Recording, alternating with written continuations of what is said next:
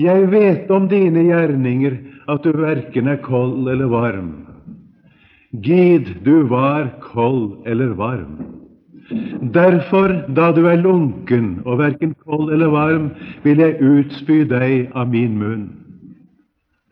Fordi du sier, jeg er rik og har overflod og fattes intet, så råder jeg deg at du kjøper av meg gull glødet i ild, for at du kan bli rik, og hvite klær for at du kan kle deg i dem, og din nakenhetsskam ikke skal bli åpenbart, og øyensalve til å salve dine øyne med, for at du kan se.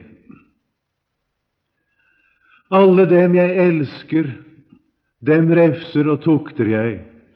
Vær derfor nidkjær og omvend deg. Se, jeg står for døren og banker. Om noen hører min røst og åpner døren, da vil jeg gå inn til ham og holde nattvær med ham, og han med meg. Den som seirer, ham vil jeg gi å sitte med meg på min trone, like som jeg òg har seiret og satt meg med min Fader på hans trone. Den som har øre, han hører hva Ånden sier til menighetene. Amen. Dette er det siste av de syv sendebrev i Johannes' åpenbaring, og det gjelder med dette som de, alle de andre. Det er skrevet til alle menigheter til alle tider. Det har et budskap til alle kristne, og det har vel kanskje i særlig grad et budskap til oss i vår tid. Først skal vi se litt på den som taler her. Dette sier Han som er Amen. Det er et underlig ord i Skriften. Amen. Det betyr noe som vi ikke egentlig kan oversette. Men Gud kalles, han kaller seg selv i sitt ord for Amens Gud. Slik står det på hebraisk. Det står om Israel de velsignet seg ved Amens Gud. Og de sverget ved Amens Gud. I våre bibeloversettelser står det oversatt med de velsignet seg ved den trofaste Gud og de sverget ved den trofaste Gud. Men det står altså egentlig Amens Gud. Amen, det betyr Han som du helt ut kan stole på. Han som i enhver henseende setter det han sier, i verk. Han som helt ut er den som du kan påkalle som du kan fortrøste deg til, som du kan regne med. Dette sier Han som er Amen. Og Jesus sier det så ofte også. Han sier Amen. Vi ser det i Det nye testamentet. Der er det oversatt med 'sannelig'. F.eks. i Johannes evangeliet står det 'Amen, Amen, legg og hymin'. Og det er oversatt slik 'Sannelig, Sannelig, sier jeg eder. Og det er utlagt slik i hebreerbrevet at han sverger ved seg selv, eftersom han ikke har noen større å sverge ved. Det kan Gud gjøre. Han er Amen. Og det står om Jesus at i ham får alle Guds løfter sitt ja. Ved ham får de også sitt amen. Gud til ære ved oss. Det betyr at Jesus har oppfylt alle Guds løfter. Men ikke bare det. Han er også den som virkeliggjør alle Guds løfter for oss, slik at det som Han har lovt, det blir det som det skal være etter Hans ord for oss. Gud til ære ved oss, står det, fordi Han setter sine løfter i verk på oss. I ham får alle Guds løfter sitt ja. Ved ham får de også sitt amen. Gud til ære ved oss. Det er et underlig ord. og vi fatter nok ikke dybden i det tilnærmelsesvis.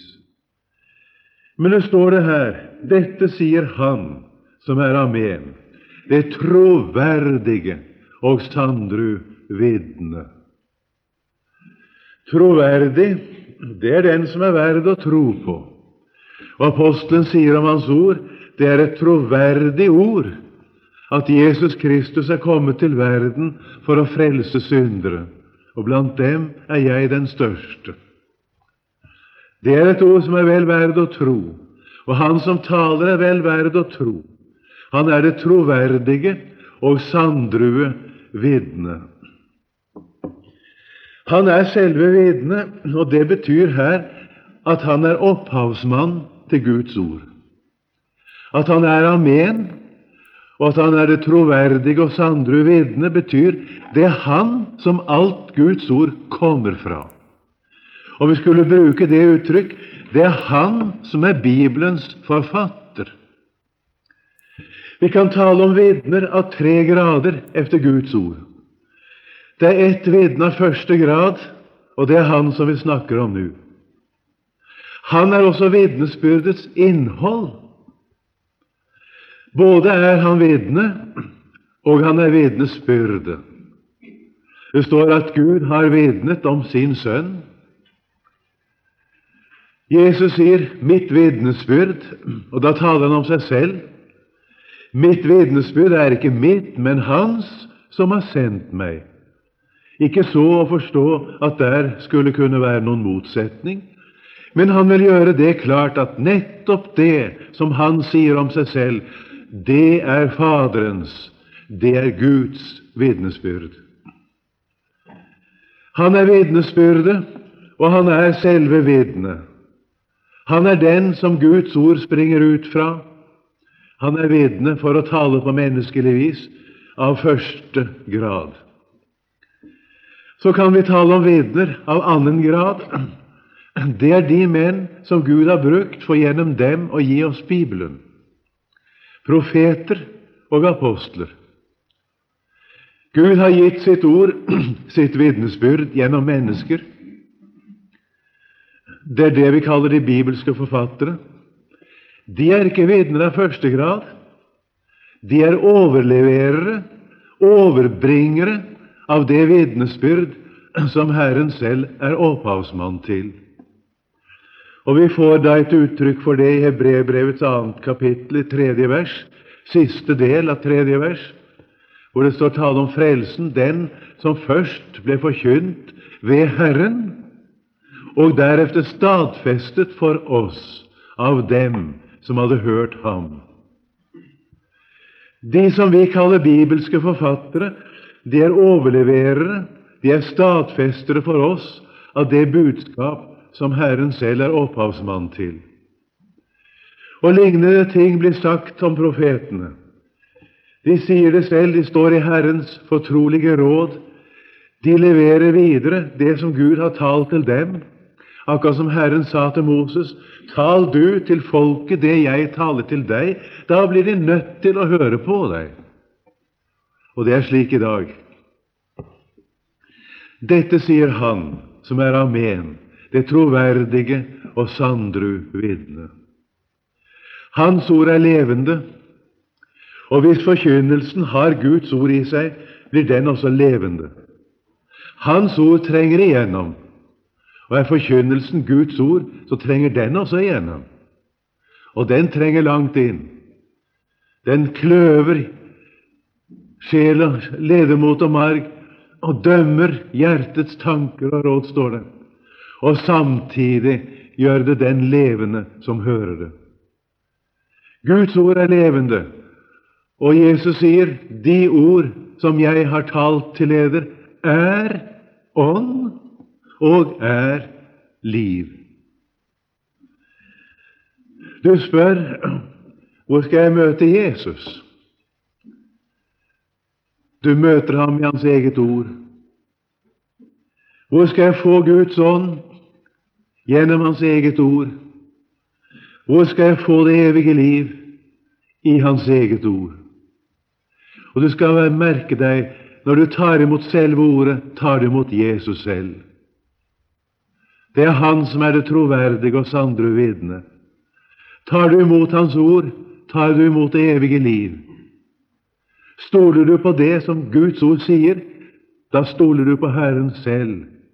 Og husk på det slike tider, når du synes at Bibelen er stengt, når du synes du ikke får noe ut av det mens du leser, når du kjenner deg tom og tørr og kold og død.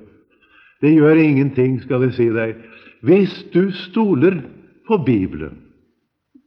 Det kan du gjøre selv om du synes du ikke får noe ut av det. Stol du på det som står skrevet. Da stoler du på Herren selv. Da eier du det som står skrevet. Og virkningen kommer i ditt liv, meget mer enn du selv forstår. Dette sier han. Opphavet til Guds skapning, står det videre om ham. Det er ved ham Gud har skapt verden, og det står allerede i det første vers i Bibelen. Det står i begynnelsen skapte Gud himmel og jord. Og som jeg har sagt dere før, det kan også oversettes, og det betyr samtidig ved begynnelsen, eller gjennom begynnelsen, skapte Gud himmel og jord. Og begynnelsen, det er en person. Samtidig med at det betyr i begynnelsen, altså før noe var til. Og alt som er til, det begynner da, i begynnelsen. Så betyr dette uttrykket også gjennom Ham som er begynnelsen. Og Du husker kanskje vi har sitert fra det første kapittelet her i Johannes' åpenbaring, at Herren sier om seg selv 'Jeg er begynnelsen og enden'. Jeg er den første og den siste og den levende. Jeg var død, og jeg lever i all evighet. Jesus er begynnelsen. Gjennom begynnelsen skapte Gud himmelen og jorden. Det er tale om ham i de to første ord i Bibelen. Og i Kolossenserne 1,16 anvender apostelen det. Han sier at han er den førstefødte. Jesus er den førstefødte fremfor enhver skapning. Det betyr at han levde og var født av Faderen før noe var skapt. Fremfor enhver skapning betyr at han var der da alt ble skapt. Han var der før alt ble skapt. Og så står det videre at i ham er alle ting skapt, de i himmelen og på jorden. Enten det så er makter eller myndigheter, troner eller herredømmer. Alt er det skapt ved ham og til ham, osv. Det står enda mer om det. Han er opphavet til Guds skapning, bokstavelig talt. Men han er også opphavet til Guds skapning på en annen måte. Han er nemlig opphavet til alle som er født på ny. De er født ved Hans ord, ved ordet om Hans fullbrakte verk. Han er opphavet til alt åndelig liv. I enhver henseende er han opphavet til Guds skapning, til all Guds skapning. Det står om oss i Guds ord vi er skapt i Kristus Jesus, vi som tror på ham. Vi er skapt i Kristus Jesus til gode gjerninger, som Gud på forhånd har lagt ferdige for at vi skal vandre i dem. Det er noe som skjer i og med at vi tror på Jesus. Vi mottar det evige liv fra Jesus i Hans ord, som jeg nettopp nevnte. Gjennom det er vi skapt til Jesus Kristus, eller skapt i Jesus Kristus, til gode gjerninger. Han er altså opphavet til Guds skapning. Og det, det sier så meget som ikke jeg makter å få uttrykke her. Så kommer budskapet til denne menigheten. Jeg vet om dine gjerninger, at du verken er kold eller varm. Du er ikke kold. Du er ikke av dem som åpenbart er ute i verden, som åpenbart ikke har noe med Gud å gjøre. Men du er heller ikke varm. Du er ikke blant dem som har det rett med Gud. Gid du var kold eller varm. Derfor, da du er lunken og verken kold eller varm, det tredje gangen det kommer, vil jeg utspy deg av min munn. Det er et alvorlig ord. Den som er lunken, kan ikke høre Jesus til. Jesus sier han må utspy ham av sin munn. Og så blir spørsmålet hvem er det nå Jesus taler om? Hvem er det som er lunken? Det er mange ærlige og bekymrede sjeler som sier det om seg selv. Det er jeg som er lunken. Det må være meg. Jeg er ikke kold. Jeg vil ikke være verdslig, og jeg er ikke ute i verden. Men jeg er ikke varm. Jeg er ikke brennende i ånden. Jeg er tom og tørr og kold og død i meg selv. Det må være meg som er lunken. Ja, det er jo nettopp slik jeg føler meg selv. Jeg føler meg så lunken. Jeg må svare deg ut fra dette ord det ikke deg Jesus taler om. Jesus taler ikke om den som sier om seg selv at han er lunken. Hvem er det da han taler om? Hvem er det som er lunken etter Jesu mening? Hva er kjennetegnet på lunkenhet? Jo, det står her Du sier 'Jeg er rik og har overflod og fattes intet'. Og så vet du ikke at du er ussel og ynkelig og fattig og blind og naken. Han taler til en menighet som mener om seg selv at den er rik i Gud. Og den har ingen følelse av hjelpeløshet. Den har ingen følelse av at den er fattig, eller at den skulle komme til kort. Det er en menighet som har meget stor innflytelse, for det hadde menigheten i Laudikea. Og karakteristisk nok så var det mange rikfolk i Laudikea. Det var industri, det var forretningsfolk, og de drev det stort. Og mange av dem var bekjennende kristne, og mange var med i ledelsen i Guds menighet. Ofte ser det ut som det er en sammenheng mellom jordisk rikdom og velstand og det at en har en åndelig trygghet som er meget farlig. Det egentlig, i hvert fall, er at den menigheten tror om seg selv at den er rik i Gud.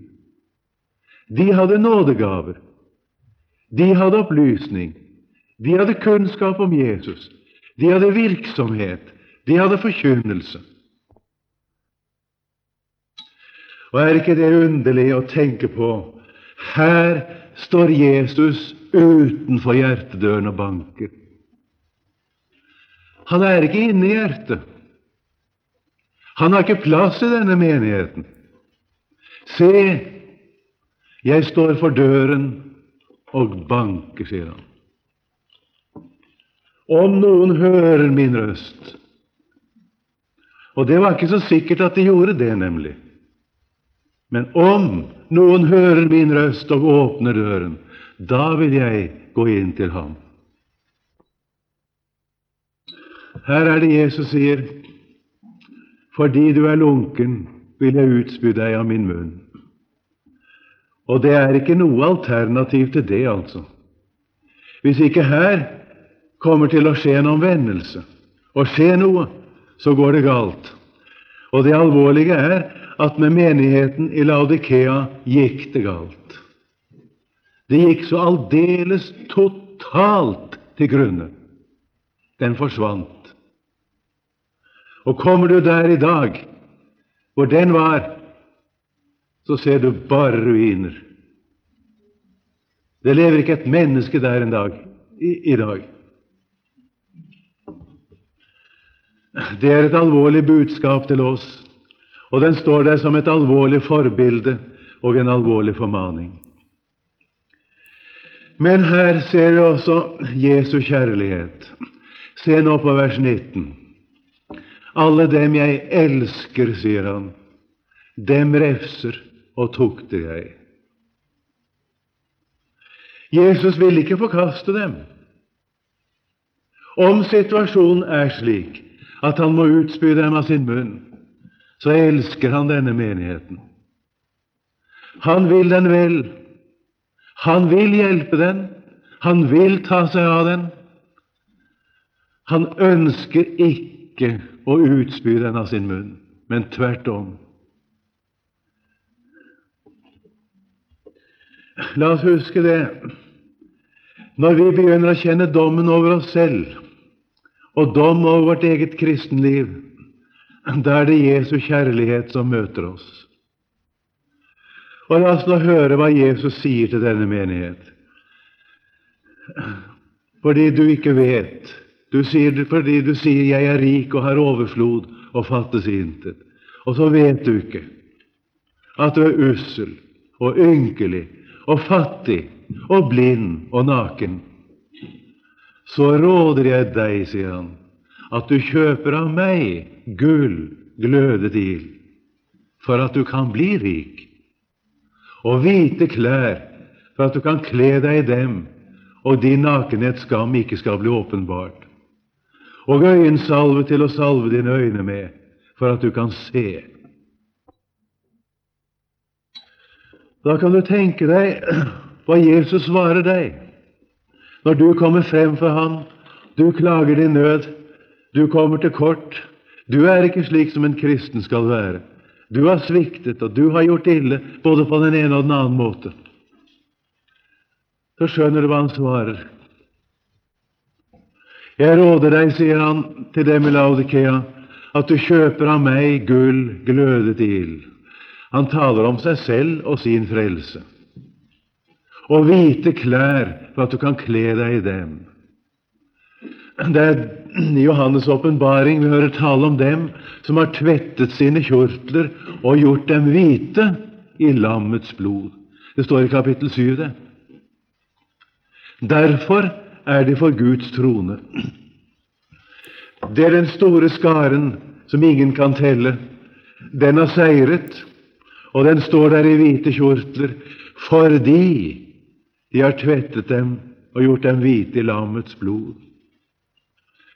Jesu Kristi soning har tatt bort våre synder. Og den som har Jesus, han står ren og fullkommen for Gud i Jesus. I Jesus er du ren. I Jesus er du gjort rik på alt. I Jesus er vi velsignet med all åndelig velsignelse i himmelen i Kristus Jesus. Vil du vite hva du har for Gud, da må du se på Jesus, ikke på deg selv. Og øyensalve, det er Guds hellige ånd det er tale om. Han som åpenbarer Guds ord for oss, slik at vi ser det og forstår det. Og Når han nå sier 'Jeg råder deg at du kjøper av meg', så husk på det står hos profeten, kapittel 55 hos Esaias, 'Kom og kjøp uten penger og uten betaling'. Det gjelder også her. Kjøp uten penger, uten betaling. Det er Jesus selv som er vårt vederlag. Det er Han selv som er vår utløsning og vår betaling. Kom og kjøp, sier han. Kjøp av meg. Denne motsetningen det er den som er så vanskelig for oss å bli fortrolig med. Men det er derfor det beror om vi blir frigjort.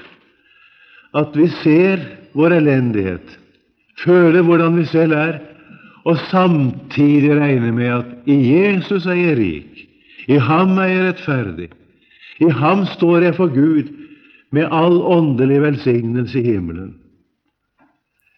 Midt i det du er hjelpeløs i deg selv, så eier du alt dette i Kristus. Dette er det Han ber dem i Laudikea om å komme og få hos ham. For dette kjøpet, det er det samme som å motta det for intet. Og så sier han altså, som jeg nevnte i vers 19, alle dem jeg elsker, dem refser og tukter jeg. Vær derfor nidkjær og omvend deg. Nidkjær betyr ta du mitt ord alvorlig. Å være nedkjær er det samme som å ta Guds ord til seg. Ta det til etterretning. Ta det til følge nå, som jeg sier til deg. Det er å være nedkjær. Og omvend deg. Å omvende seg, det betyr alltid å ta sin tilflukt til Jesus. Slik begynner kristenlivet, ved at et menneske vender seg til Jesus. Og slik er det når det blir noe galt i vårt kristenliv, og vi trenger omvendelse igjen. Det skjer ved å vende oss til Jesus. Ta det ord til deg som jeg taler til deg. Vær derfor nidkjær og omvend deg. Og husk på det, jeg elsker deg, sier han. Med en evig kjærlighet har jeg elsket deg. Derfor har jeg latt min miskunnhet mot deg vare ved. Vi ble minnet om Guds nåde til å begynne med.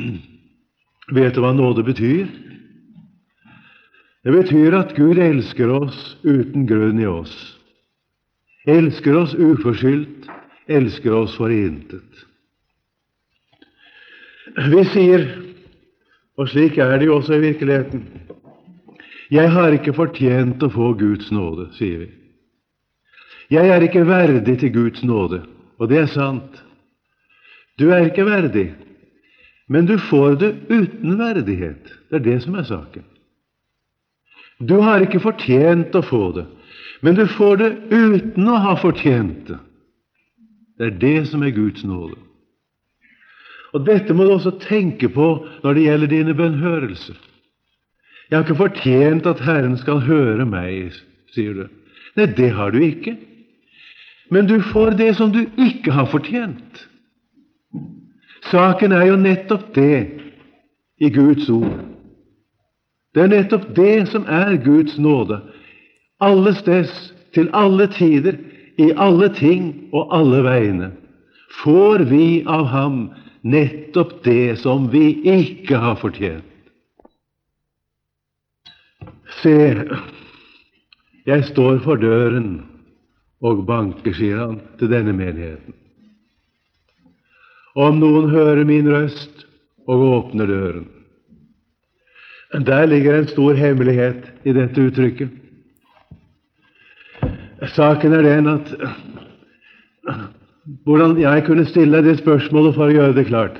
Hvordan har du tenkt å åpne døren for Jesus? Dette er den store hemmelighet i Skriften. Den som hører det, hos ham går hjertedøren opp. Ja, sier du, men jeg føler det så stengt. Jeg føler det ikke slik, jeg, når jeg hører. Det er det ingen som har spurt deg om, ikke Jesus heller. Du hører hva Jesus sier. Og det er ingenting i veien for at du kan høre dette, fordi dette, dette er jo jeg må ha. Så går hjertedøren din opp. Så går Jesus inn. Og så skjer det.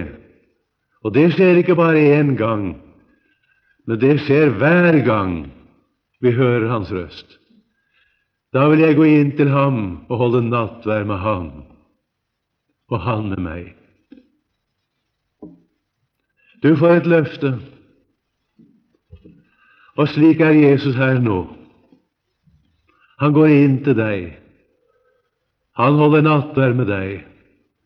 Du får ham, hele ham, med alt hva han har gjort. Slik er han. Og så sier han, den som seirer, ham vil jeg gi å sitte med meg på min trone. Like som jeg òg har seiret og har satt meg med min Fader på hans trone. Det er nå et underlig alternativ. Enten å bli utspydd av hans munn, eller å få sitte med ham på hans trone. Dette står naturligvis også samtidig som det avslutter dette syvende sendebrev. Så avslutter alle syv. Det gjelder alt som er sagt foran. Den som seirer, han vil jeg gi å sitte med meg på min trone, like som jeg òg har seiret og satt meg med min Fader på hans trone. Hvem er det som seirer? Det er den som hører hans røst. Den som bruker sin legemlige hørsel. Den som bruker sine legemlige øyne til å høre Hans ord, til å lese det. Høre det og lese det, fordi dette er det jeg har bruk for. Dette må jeg høre. Da har du ham selv. Da seirer du. Slik er Jesus.